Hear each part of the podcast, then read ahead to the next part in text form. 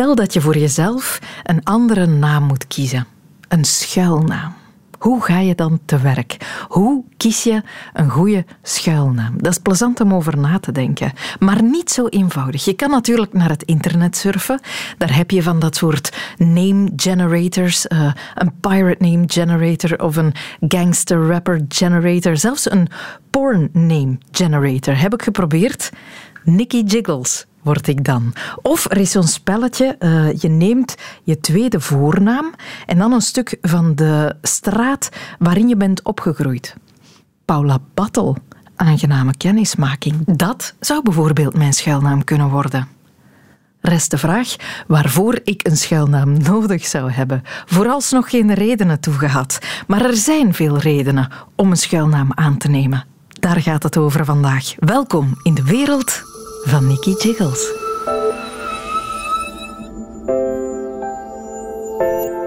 Nicolas Sarkozy heeft er een, of had er een. Tenminste, uh, tot voor kort. Hij is nu veroordeeld voor corruptie en machtsmisbruik. Nadat speurders erop uit waren gekomen dat hij via geheime telefoons communiceerde met zijn advocaat over duistere zaakjes onder de naam Paul Bismuth. Of Paul Bismuth of Paul Bismuth. Um, een naam die hij niet zelf had gekozen, die zijn advocaat had gekozen. En dat bleek dan de naam te zijn van een oud klasgenoot van die advocaat, Paul Bismuth. Staat in het midden van de belangstelling nu, terwijl die heeft met al die affaires niks te maken. Die kwam gewoon ter sprake. Maar goed, Sarkozy heeft dus een schuilnaam. Hij is daarmee niet het enige politieke kopstuk dat bij gelegenheid onder een schuilnaam opereert. Om in Frankrijk te blijven, uh, ook een voormalige president, hij is al overleden, François Mitterrand, mhm. heeft ook een schuilnaam gebruikt. Flip Feiten hoor je, VRT-journalist en royalty-kenner. Het was wel, moet ik erbij zeggen, heel lang voor hij president was. We zitten uh, vlak voor en tijdens de Tweede Wereldoorlog. Ik weet niet of je dat weet. Uh, Mitterrand was een socialistische president, socialistische mhm. partij. Maar heeft een heel raar parcours doorlopen. Hij was ah, eerst, eigenlijk leunde hij aan bij uiterst rechts. Dan is hij als soldaat in de oorlog krijgsgevangen genomen. Heeft hij in Duitsland gezeten. Op 18 maanden heeft hij zes keer geprobeerd om te ontsnappen. En de zevende keer is het gelukt.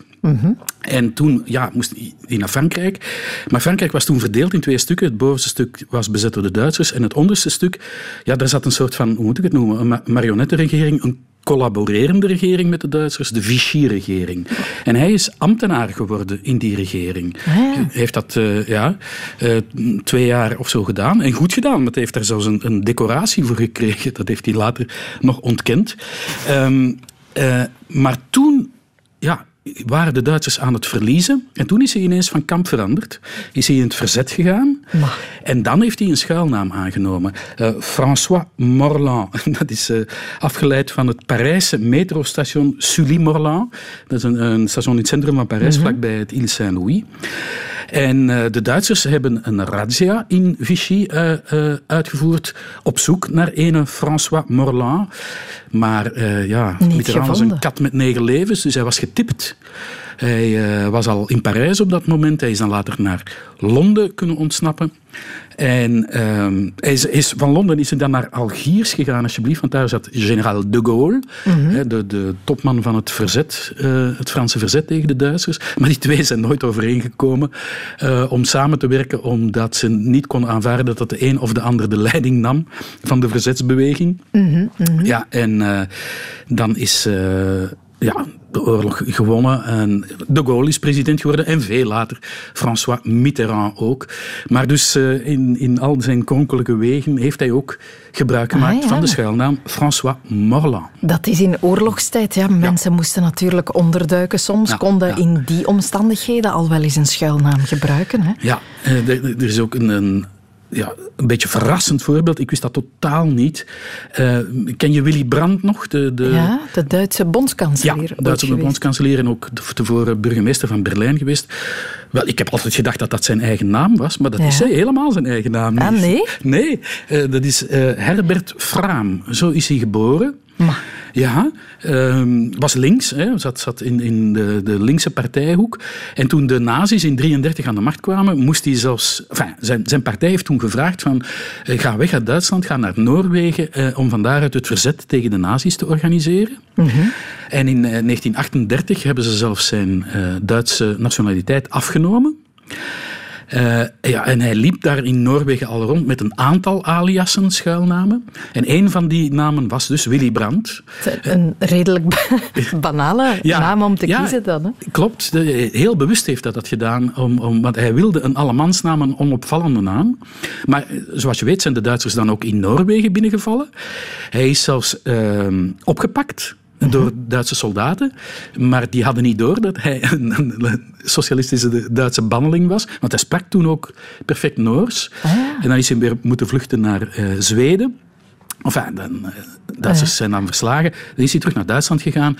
En dan heeft hij terug de Duitse nationaliteit gekregen, want hij had de Noorse nationaliteit aangenomen onder de naam Willy Brandt. Uh -huh. En dan heeft hij uh, uh, opnieuw de Duitse nationaliteit aangenomen, ook met de naam Willy Brandt. En dat is gebleven.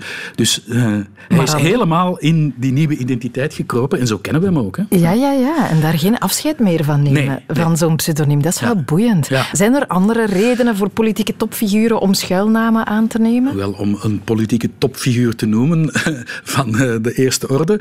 Uh, Donald Trump.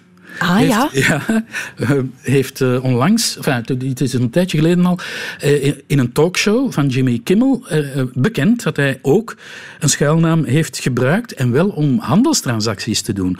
Je weet dat hij een immobiliënmagnaat -huh. is. Ja. Enfin, het is vooral zijn vader die dat uh, hoe moet ik het zeggen, dat, dat enorme conglomeraat heeft opgezet. En hij heeft uh, daar niet zoveel aan gedaan, uh, niet zoveel verdiensten aan. Um, maar hij heeft wel deals moeten sluiten. En omdat hij niet wou dat de mensen wisten dat ze een deal sloten met Donald Trump, gebruikte hij de naam Barron. En het, het, rare is dat hij later dan ook nog zijn ah, jongste zoon, zijn ook zoon Barron, Barron, heeft genoemd. Ja. Ja, ja. Maar, ja. Fascinerend. En, dat is een president. Ik heb ook nog een, een royal, ja? die voor handelstransacties een bijnaam gebruikt en niemand minder dan de koningin van Denemarken. Ja. Koningin Margrethe, die schildert namelijk, die maakt schilderijen. Ah, dat wist ik niet. Ja, ik ook niet. en aquarellen. En uh, dus meestal gaf ze die weg, maar op een bepaald moment werden er twee werken van haar geveild. En dan dacht ze van, ja, als, de, als die naam van Margarethe van Denemarken erbij komt, ja, dan gaat die prijs omhoog. Enfin, dat, dat gaat het hele beeld vertekenen. Dus heeft ze een schuilnaam gebruikt, Inga Hild Gratmer. Ik hoop dat ik dat goed uitspreek. Mijn Deens is niet zo goed. Mm -hmm. Ik vind dat ook eigenlijk typisch Deens, die, die bescheidenheid, die, die, dat Calvinisme van ik, we willen de mensen niet meer geld uit hun zakken kloppen. Ja, je zou net de omgekeerde reflex ook kunnen ja. hebben natuurlijk. Ja, à la Trump misschien. Ja. Ja, ja, maar ja, ja. Dus de, uh, Inga ja, Hild. Inga Hild Gratmer. Ah ja, zijn royals, is dat uitzonderlijk dat zij een pseudoniem gebruiken of zijn er ze nog? Nee, nee, nee, dat is zelfs heel gebruikelijk. Uh, waarom? Ja, dat is eigenlijk duidelijk. Hè, om hun privacy te bewaren. Bijvoorbeeld, zeg maar, als ze een, uh, een restaurant willen reserveren hè, een, of, of bij een ziekenhuisbezoek om, om dat een beetje privé te houden. Of gewoon een, een afspraak bij de kapper. een mooi voorbeeld vind ik Prinses Anne, hè, de, de zus van Prins Charles. Mm -hmm. um, als die naar de, de kapper belt, dan gebruikt ze de schuilnaam Deirdre Hunt. En dat is, dat is een personage uit de, een van de meest populaire soaps, Coronation Street. Ah, ja? Dat, ja, dat is een Ierse naam ook. En die, die kapster en Prinses Anne die hebben uh, een, een, er een spelletje van gemaakt. Dus als ze uh, de kapper belt, dan um, spreekt ze die naam ook met een heel vet Iers accent uit. Dus, hello, this is Deirdre. en dan weten ze, aha, Prinses Anne komt. En die moet in een apart kamertje gekapt worden. Maar ja. alleen. Ja. maar alleen. Hebben bij ons, ah ja, natuurlijk, onze eigen koning. Ja, ja. Uh, onlangs hè, is nog uitgekomen, er was een, een klein rulletje. Hij heeft een, uh, een huis gekocht op Ile-Dieu ja. in Frankrijk, uh, onze koning, koning Filip. En uh, ja, om, om die transactie te doen, heeft hij de naam Philippe Legrand gebruikt. In de, enfin, dat staat ook in de documenten, want hij moest een aanvraag doen voor een verbouwing van, van een bijhuis. Ja.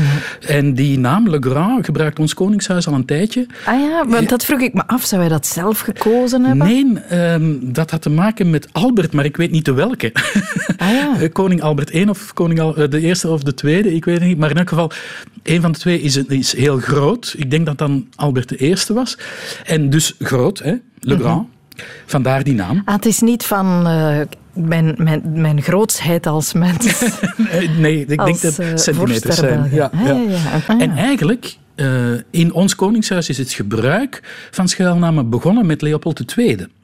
Ja? En dat was een, een, een, zeer ondernemende man, zoals we weten, hè, met, met, Congo, dat een tijdje zijn privébezit was eigenlijk. Mm -hmm. um, die reisde heel veel. Uh, bijvoorbeeld om, om te gaan onderzoeken van wat zou een geschikte kolonie kunnen zijn. Hij is naar, naar China, naar Egypte, naar, naar India, uh, god weet waar, allemaal gegaan.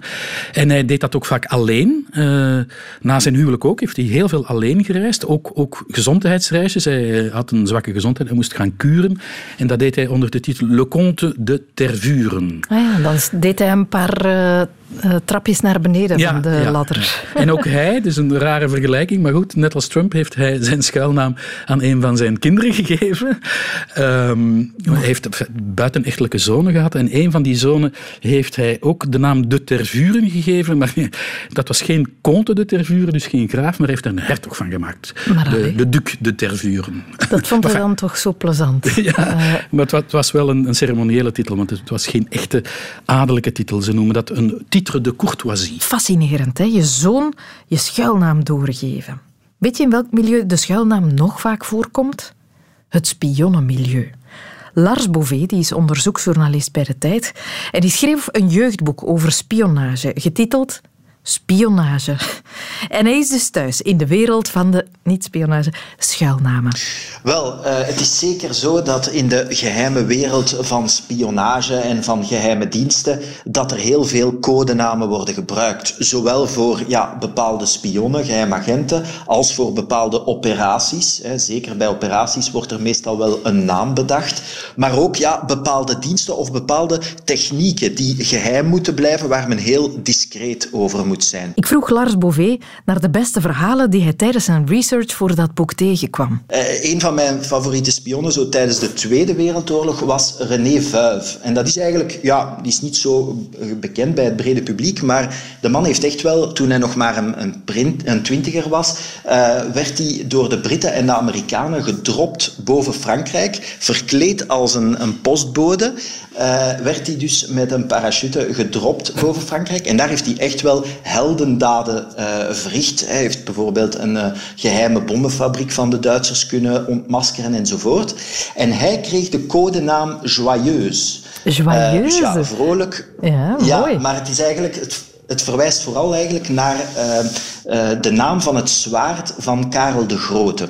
Ah. En, en het grappige is, de man heeft dan ja, nog heel veel heldendaden verricht, heeft medailles gekregen, is dan naar de VS verhuisd, waar hij 92 jaar is geworden, maar hij heeft dan zijn codenaam Joyeuse als familienaam daar aangenomen. Dus uiteindelijk ging hij dan door het leven als René Joyeuse. René Joyeuse, de vliegende postbode. Wat een fantastische titel. Voilà. Het zijn operaties, het zijn geheimagenten, maar bijvoorbeeld ook informanten. Die krijgen ook codenamen. Hè. Ah, ja. In ons land bijvoorbeeld werkt men ook vooral met nummers, hè, waarbij dat men een, een informante een bepaald nummer geeft in het register. Maar ja, dat is natuurlijk minder spannend, maar een van de uh, bekende informanten uh, van de, de Amerikaanse geheime diensten uh, heette Curveball. Hè, dus effectbal uit, uit het jargon, namelijk van de honkbal, ja, van de baseball. curveball. Ehm, waarom die die codenaam precies kreeg, weten we ook weer niet. Dat is zo'n rode draad doorheen veel van die ja, codenamen. Die worden op een zeker moment bedacht en van waar het juist komt. We weten bijvoorbeeld dat wel tijdens de, de Koude Oorlog er uh, veel informanten een, een codenaam kregen met ball. In, in de naam. omdat dat ver, verwees namelijk naar het feit dat zij inlichtingen verschafte over wapens. En dat was ook het geval bij Curveball, mhm. want dat was een, een voormalige chemische ingenieur uit Irak die in 2003 cruciale informatie bezorgde aan eerst de Duitse geheime dienst, dan de Amerikaanse geheime dienst over massavernietigingswapens in Irak. En hij was eigenlijk ja, de bron die eh, had getuigd tegenover de inlichtingendiensten over hoe ja, die wapens, die massavernietigingswapens zouden worden gemaakt in Irak. En dat was ook de reden natuurlijk dat men Irak is binnengevallen en uh, Saddam Hussein eigenlijk uh, heeft omvergeworpen. Mhm. Maar eigenlijk al na de oorlog, twee maanden later, bleek dat die curveball volledig alles had verzonnen. Uh, men is daar al meteen op uitgekomen. Men heeft daar ook natuurlijk geen massavernietigingswapens gevonden. Mhm. En ja, men had eigenlijk veel te weinig bronnen. Men is op curveball afgegaan. En op die manier heeft men gezien ja, dat men eigenlijk een hele grote fout heeft gemaakt. De man was er eigenlijk gewoon op uit om het regime te laten omverwerpen. En heeft dus allerlei verhalen verzonnen over twaalf technici die waren gestorven bij het maken van wapens enzovoort. Maar allez, het gevaar van uh, te berusten op slechts één bron, uh, dat, is, uh, dat is altijd een groot risico. je had het daarnet over nummers. de bekendste spion, hij bestaat misschien niet echt, maar James Bond, ehm, heeft ook een nummer, hè, 007. Weten we eigenlijk waarom dat specifiek 007 is? Wel ja, dus James Bond, voor alle duidelijkheid, is niet zijn codenaam. Dat zou in, in de verhalen dan zijn echte naam zijn. En uh, de schrijver, Ian Fleming, he, zou die, heeft die naam namelijk gehaald van een Amerikaanse ornitholoog, die zo heette, omdat hij zelf een, een vogelliefhebber was, schrijver uh, Ian Fleming. De codenaam is natuurlijk 007. En in het verhaal is dat dus ja, een, een, een reeks een, een, van geheime agenten die mogen doden, die een license to kill hebben bij de Britse geheime dienst. dat is dus fictie natuurlijk. Een van de pistes is wel duidelijk dat uh, eh, 007 de busroute was die Ian Fleming uh, zou hebben gebruikt. Ah. In, daar komt de inspiratie vandaan, dus van de busroute. Zou waarschijnlijk de inspiratie vandaan zijn gekomen. Ja. Het, het, grappige is dat je eigenlijk in, in uh, ja, James Bond is fictie, maar hij noemt bijvoorbeeld zijn, ja, de man die hem allerlei uh, snufjes, gadgets geeft, noemt hij Q en zijn baas uh, M. En in de boeken zou dat dus ver, blijkt dat te verwijzen naar zijn baas Miles Messervy, dus de, de M daarvan. Maar eigenlijk ook bij MI6, de echte uh, Britse geheime dienst, wordt de baas C genoemd. Ah, ja, dat is de codenaam. En je zou dat kunnen zeggen, ja, dat komt van chief, maar eigenlijk is het afkomstig gewoon van de eerste directeur, Mansfield Cunning, die Cunning met een C, uh, ja, dat afgekort is tot C. Dus soms zijn, is de oorsprong wel heel banaal ook. Ja, ja, ja. ja. Uh, die verschillende codenamen. U bent journalist, u moet onderzoek doen, uh, soms naar zeer ja. geheimzinnige dossiers. Gebruikt u soms een schuilnaam? Wel, wij gebruiken zeker uh, allerlei encryptiecommunicatie, uh, zodanig dat uh, onze communicatie niet kan onderschept worden. Het enige moment waarop wij echt gebruik, maken van codenamen, dat is wanneer wij internationaal onderzoeksprojecten doen, vooral dan met het consortium van onderzoeksjournalisten ICIJ. En dat consortium gebruikt telkens ook een codenaam voor zo'n groot project. Wanneer je bijvoorbeeld ja, met, met 400 journalisten aan bijvoorbeeld de Panama Papers uh, werkt, ja. ja. dan, dan geef je dat uh, een codenaam. En dat is al van alles uh, geweest, eerlijk gezegd. Cassandra, Athena, noem maar op. Dus wij hebben dat ja, allerlei namen gegeven. Uh, Medusa, noem maar op. Uh, ja, dingen die gewoon zijn bedacht uh, vanuit ICIJ zelf om dat project in het begin een naam te geven. En dan pas wordt, naarmate het project verder vordert, wordt er dan nagedacht, ja, welke officiële naam gaan we dit project geven. Ah, en zo is bijvoorbeeld een Italiaanse journalist ooit uh, geïnspireerd door de Pentagon Papers, uh, in een gesprek waar ik bij was natuurlijk, gekomen op de naam Panama Papers. Ah, op die manier. Ook de journalist is soms op geheime missie. Zeker bij dat soort grote dossiers als de Panama Papers. Weet je wie nog onder een dekmantel durft te opereren? De regisseur. Iron Cowboy, Ghost Fever, Let's Get Harry, The Shrimp on the Barbie.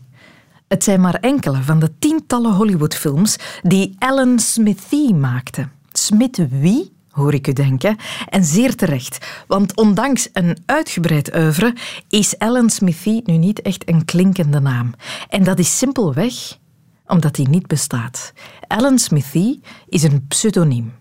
Anne Roodveld trok met een doos popcorn en zin in film naar regisseur Jan Verheijen om het over die obscure regisseur te hebben. This gunfighter was the law for 20 years until a hate-ridden town took the law into its own hands and turned on the gunfighter.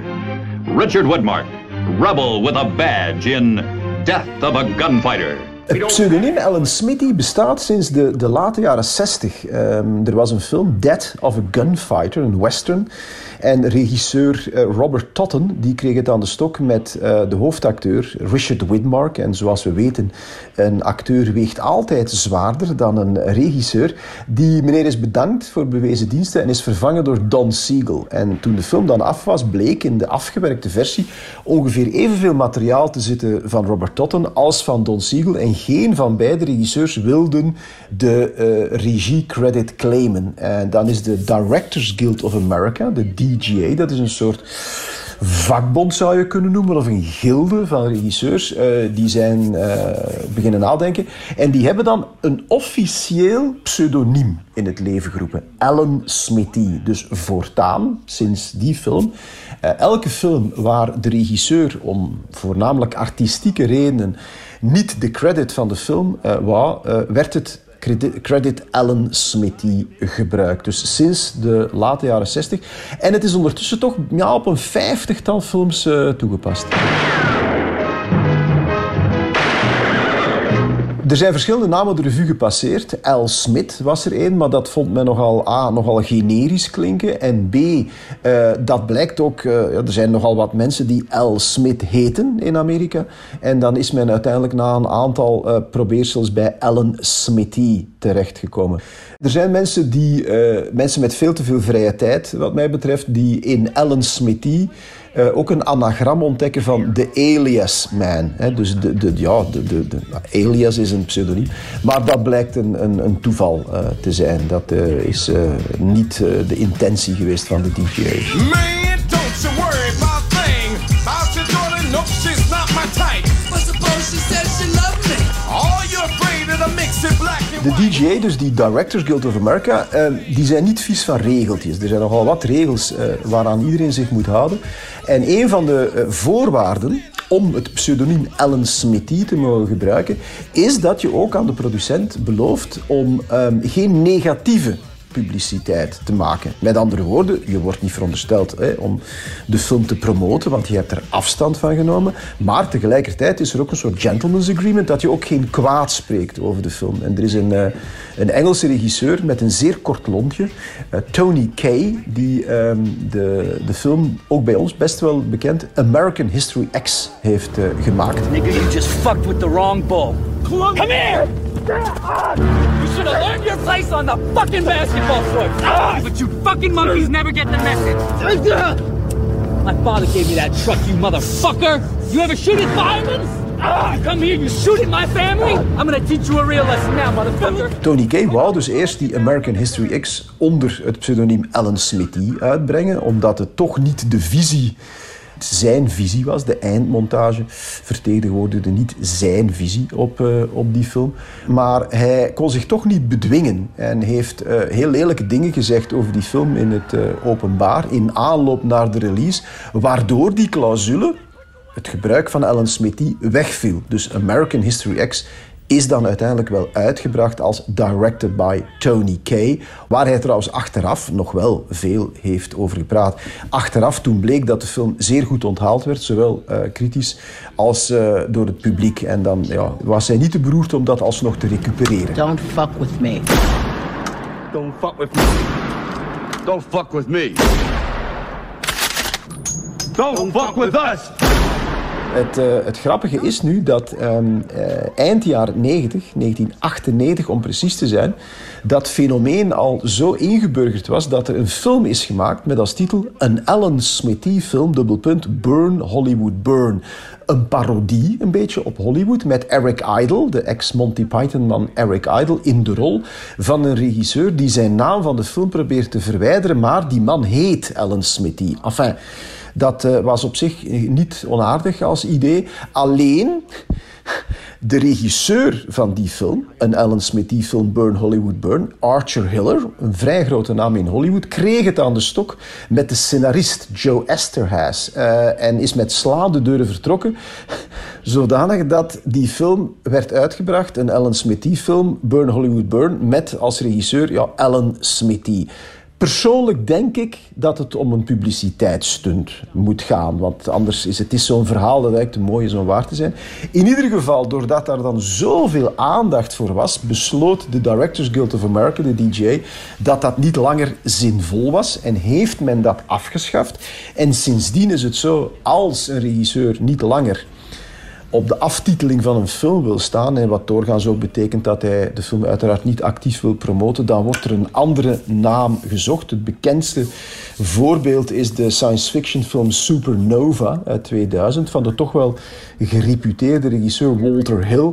En die heeft dan als pseudoniem gekozen Thomas Lee, wat ongeveer even generisch is als uh, Alan uh, Smith. brought a fucking Pomeranian bowling?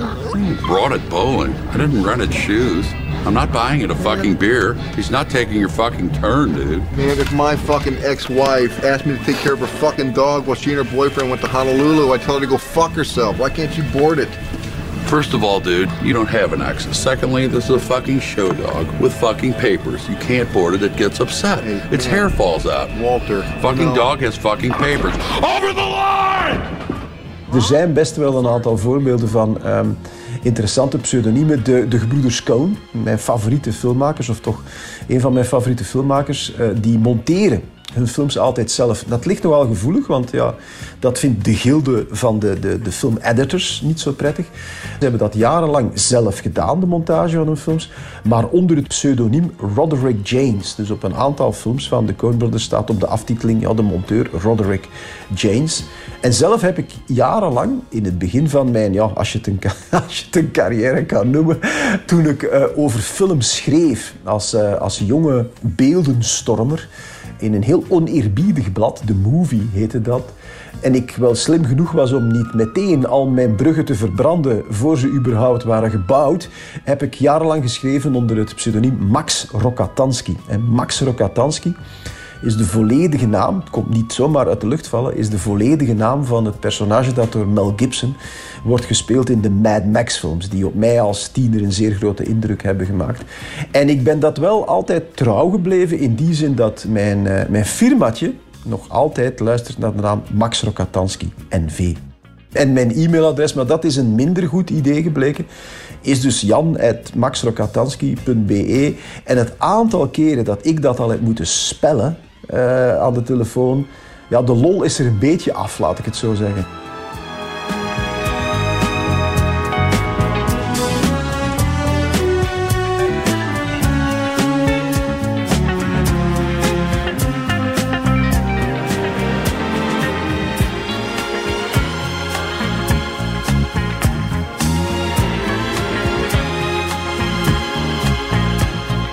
Alan Smithy, pseudoniem voor al wie niet fier is op de film die hij of zij afleverde. Met dank voor de opheldering aan Jan Verheijen.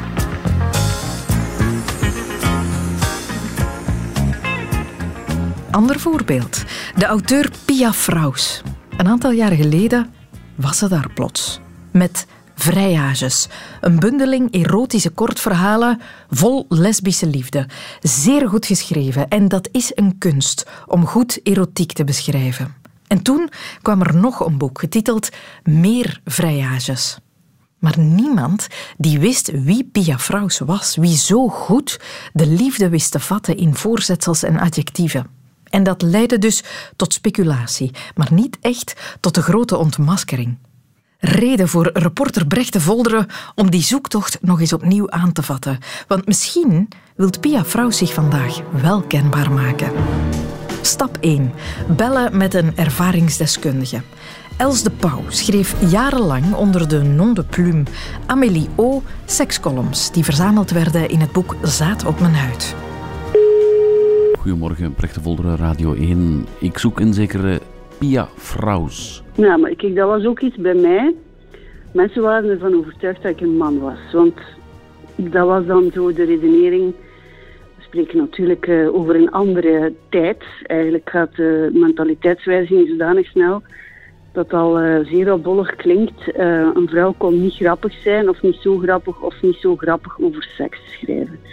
Vandaar dat mensen dachten dat ik een man was. Dat was een van de conclusies die men trok. We mogen best rekening houden met een vrouw in deze. Goh, ja, het zou misschien toch een man kunnen zijn, ik weet het niet. Ik denk, het zal wel een vrouw zijn. Want jij, jij hebt dezelfde zoektocht meegemaakt, hè? Men, men is een tijdje op zoek gegaan naar ja, ja, Amélie ja, ja, ja, ja, ja, ja. En Amélie was zo, ja, een beetje een Franse naam. Verwijzing naar uh, de, de, de propere bourgeoisie in. Uh, ja. Iemand die graag uh, Frans de taal van de liefde spreekt, maar ook um, dan weer gevolgd door de Vlaamse recht toe, recht aan termen. Ja. Mannen, vrouwen, vrije neuken, beffen, cravat espagnol, enzovoort enzovoort. Ja. Um, ja, ik ben even afgeleid, sorry. Ja, ja u was afgeleid, dacht ik. Amelie O is niet echt langer een schuilnaam meer. Hè? Mag ik nu uh, Els de Pauw zeggen? Uh, ja, maar natuurlijk, um, omwille van mijn positie als modejournalist was het wel aangeraden, denk ik, om, om dat onder een schuilnaam te doen. En ook dat typetje, want het is echt een typetje. Het is meer dan een schuilnaam, hè. Ja. Ik acteerde eigenlijk bijna ook altijd toen ik uh, dat schreef. Als ik dan opnieuw zou Amélie O uh, als Amélie O schrijven, dat is ook letterlijk dat ik dat dan doe. Dan, dan trek ik mijn hakken aan, dan, dan stift ik mijn lippen bijna en dan begin ik te schrijven. Dan zit ik ook in, in, uh, in, in het character, in het personage van, van, van die vrouw. Ik moet echt op zoek naar die Pia Fraus. Het is, je klinkt als, een, als een deskundige hè, in schuilnamen. Die Pia Fraus, is dat nu echt de eerste keer dat je daarvan hoort? Goh, ja, dat zal ooit wel uh, langs mijn neus zijn gepasseerd, maar ik... Nee. Ja, Nooit geweten wie erachter zat of wie zo... Lesbisch-erotische literatuur. Ja, uh. Lesbisch-erotisch en was soft-erotisch of... Allee, was het redelijk stevig. Maar het is dus in het Nederlands, hè. Het is in het Nederlands. Dus dat wil zeggen, uh, Saskia. Uh, wacht, hoeveel, hoeveel, je hebt het, hoeveel lesbische schrijfsters hebben wij? Het is al een tijdje geleden dat ik nog geteld heb. Ik zal me beter moeten documenteren. Want maar het is geen Els de Pauw, dat is duidelijk. Nee, nee, nee, nee. Els de Pauw is het niet. Zij stuurt Brecht het pad op van de lesbische auteur. Misschien moet Brecht zijn oor inderdaad daar te luisteren leggen. En ze vermeldt Saskia. Saskia de Koster. Saskia de Koster. Um, mm -hmm. Ik had net een zekere Amélie O aan de lijn. Um, ik ben namelijk op zoek ik ben namelijk op zoek naar de ware naam achter Pia Fraus. En ik weet zelfs niet goed hoe je Pia Fraus uitspreekt. Weet jij dat? Uh, ja, ik denk dat je gewoon uh, het uitspreekt zoals jij het doet. Hè. Dat lijkt me niet heel veel ruimte ja. voor Pia of Pia. Nee, gewoon P-I-A. Pia Fraus. Mm-hmm. Ja, en... Um, jij weet het dus, hoe je het uitspreekt. Oh, heeft jou uh, doorverwezen. Ja, ja, daar is zo'n beetje een nevel van mysterie over geweest. Maar eigenlijk is het glashelder dat is, hè. Hoezo? Uh, dat, uh, ga jij nu bekennen? Uh, dat ja, ik kan iets bekennen. Ik heb wel een aantal erotische verhalen geschreven, onder andere. Dat is een moeilijk genre, hè. Dat wel. om iets echt zinnenprikkelend en overtuigend te gaan brengen. Ja, dat is niet eenvoudig, maar ik denk dat kan ook een man zijn natuurlijk die zoiets doet. Dan moeten we niet te veel gaan hokjes denken. Ik geloof daar zelf nogal in. Eh, Elena Ferrante zou ook een mannelijke schrijver zijn en die kan echt waanzinnig vrouwelijke uh, geest bij. Dus, uh... is, want dat, dat is een schuilnaam, hè? Gebruik, je gebruikt een schuilnaam niet zomaar, hè?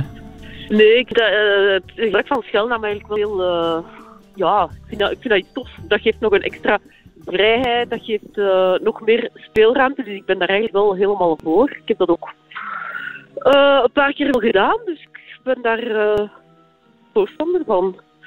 Het kan een man zijn, het kan een vrouw zijn, maar het is Pia Fraus en ik weet wie Pia Fraus is.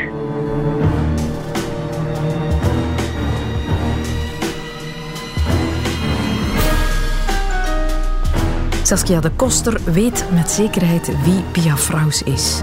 Maar vertelt ze het ook aan Brecht? Dat blijkt niet uit de opname.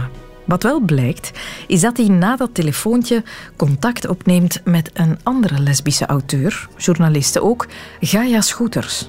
Wat weet zij van Pia Fraus? Dag Gaia Schoeters, Brecht de Volderen, Radio 1. Stoor ik u? Nee hoor. Pia Fraus, zegt die naam u iets?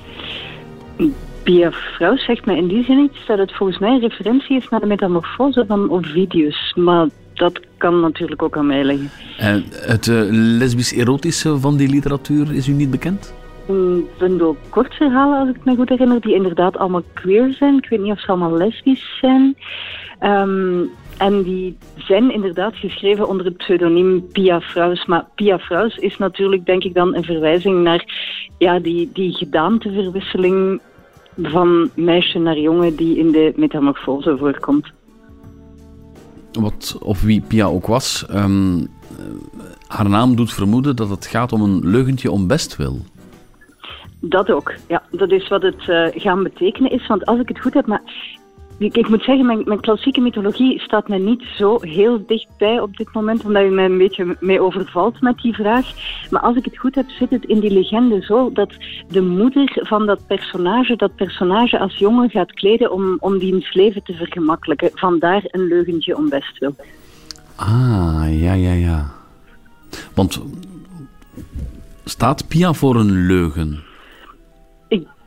Zou het niet per se een leugen noemen. Ik denk dat ja, als, je, als je dan algemeen de vraag stelt van is een auteurspseudoniem pseudoniem voor een auteur per definitie een leugen, goh, dan denk ik het eigenlijk niet. Dan denk ik dat een pseudoniem, en, en zeker in een genre als erotische literatuur, eigenlijk misschien eerder iets is wat bij de eigenheden van dat genre hoort. En dat het wel leuk is om daar dan een andere naam voor te gebruiken. Het is ook iets wat in de geschiedenis van de erotica wel, wel vaker is gedaan. Ja.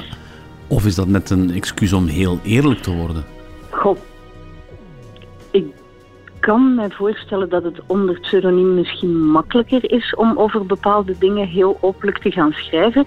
Nu heb ik mij, wat Pia Fraus betreft, wel altijd laten vertellen dat die keuze voor dat pseudoniem, dat dat daar geen keuze was uit een soort van, van schaamte of van ongemak tegenover dat onderwerp, maar net om zoveel mogelijk over te laten aan de verbeelding van de lezer, zodat die de identiteit van die Pia Fraus eigenlijk kon invullen op de manier dat hij dat dan als lezer het liefste had. Dus eigenlijk een soort van, ja, net niet autobiografisch willen zijn. Zou Pia gekozen hebben voor het, eh, het eeuwige onbekende bestaan? Ik denk dat... Dat weet ik eigenlijk niet. Dat zou je misschien moeten vragen aan, eh, aan Pia Fraus. Of, of het de bedoeling is dat dat dan ooit nog uitkomt. Nee. Want dat zou misschien een deel van de pret bederven. Dat is maar een beetje de vraag. Het is bij zulke dingen altijd een beetje jammer als je dan één identiteit of één gezicht of ja, één persoon op zo'n auteur gaat plakken. Heel veel van die verhalen zijn, als ik het me herinner, ook in een ik-vorm geschreven. En zeker in deze tijden is, zorgt dat dan altijd voor het gevoel dat zoiets dan volstrekt autobiografisch zou zijn. Dus dan is natuurlijk de helft van de verbeelding van de lezer is dan al ingenomen door die persoonlijkheid. Misschien is dat een reden. Maar ik denk, als je nu vraagt van, ligt Pia ervan wakker dat dat pseudoniem plots zou uitkomen of dat het duidelijk zou worden wie Pia Fraus dan is. Ja, als we het dan toch in de context van de Franse presidenten bekijken, dan, dan vermoed ik dat Pia zich eerder zou aansluiten bij wat Mitterrand ooit zei toen hem gevraagd werd naar zijn buitenechtelijke dochter en zou zeggen, et alors? Wat, ehm, wat zou Pia antwoorden op de vraag, eh, komt er nog eens een boek?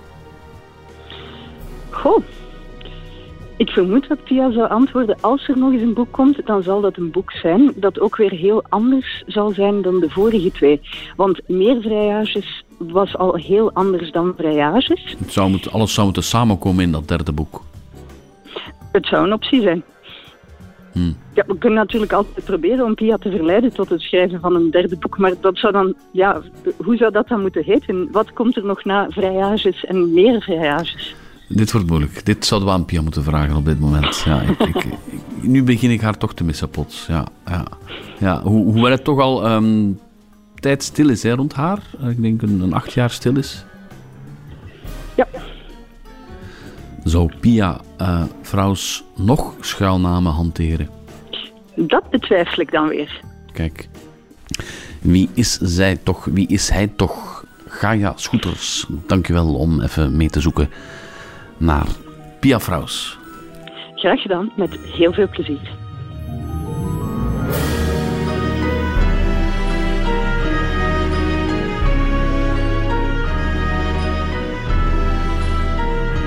Pia Vrouws.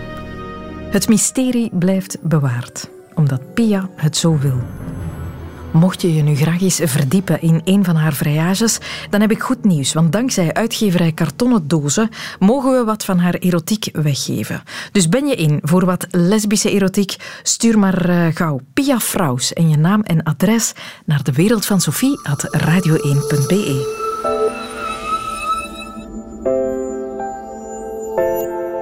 Dit was hem, de wereld van Sophie over schuilnamen. Hopelijk vond je hem goed. Volgende week is er een nieuwe podcast. En intussen hoor je ons elke weekdag op Radio 1 hè, tussen 10 uur en 12 uur. Heel graag, tot gauw. Dit was een podcast van Radio 1. Ontdek nog meer podcasts van Radio 1 in onze app en op radio1.be. Radio 1. Altijd benieuwd.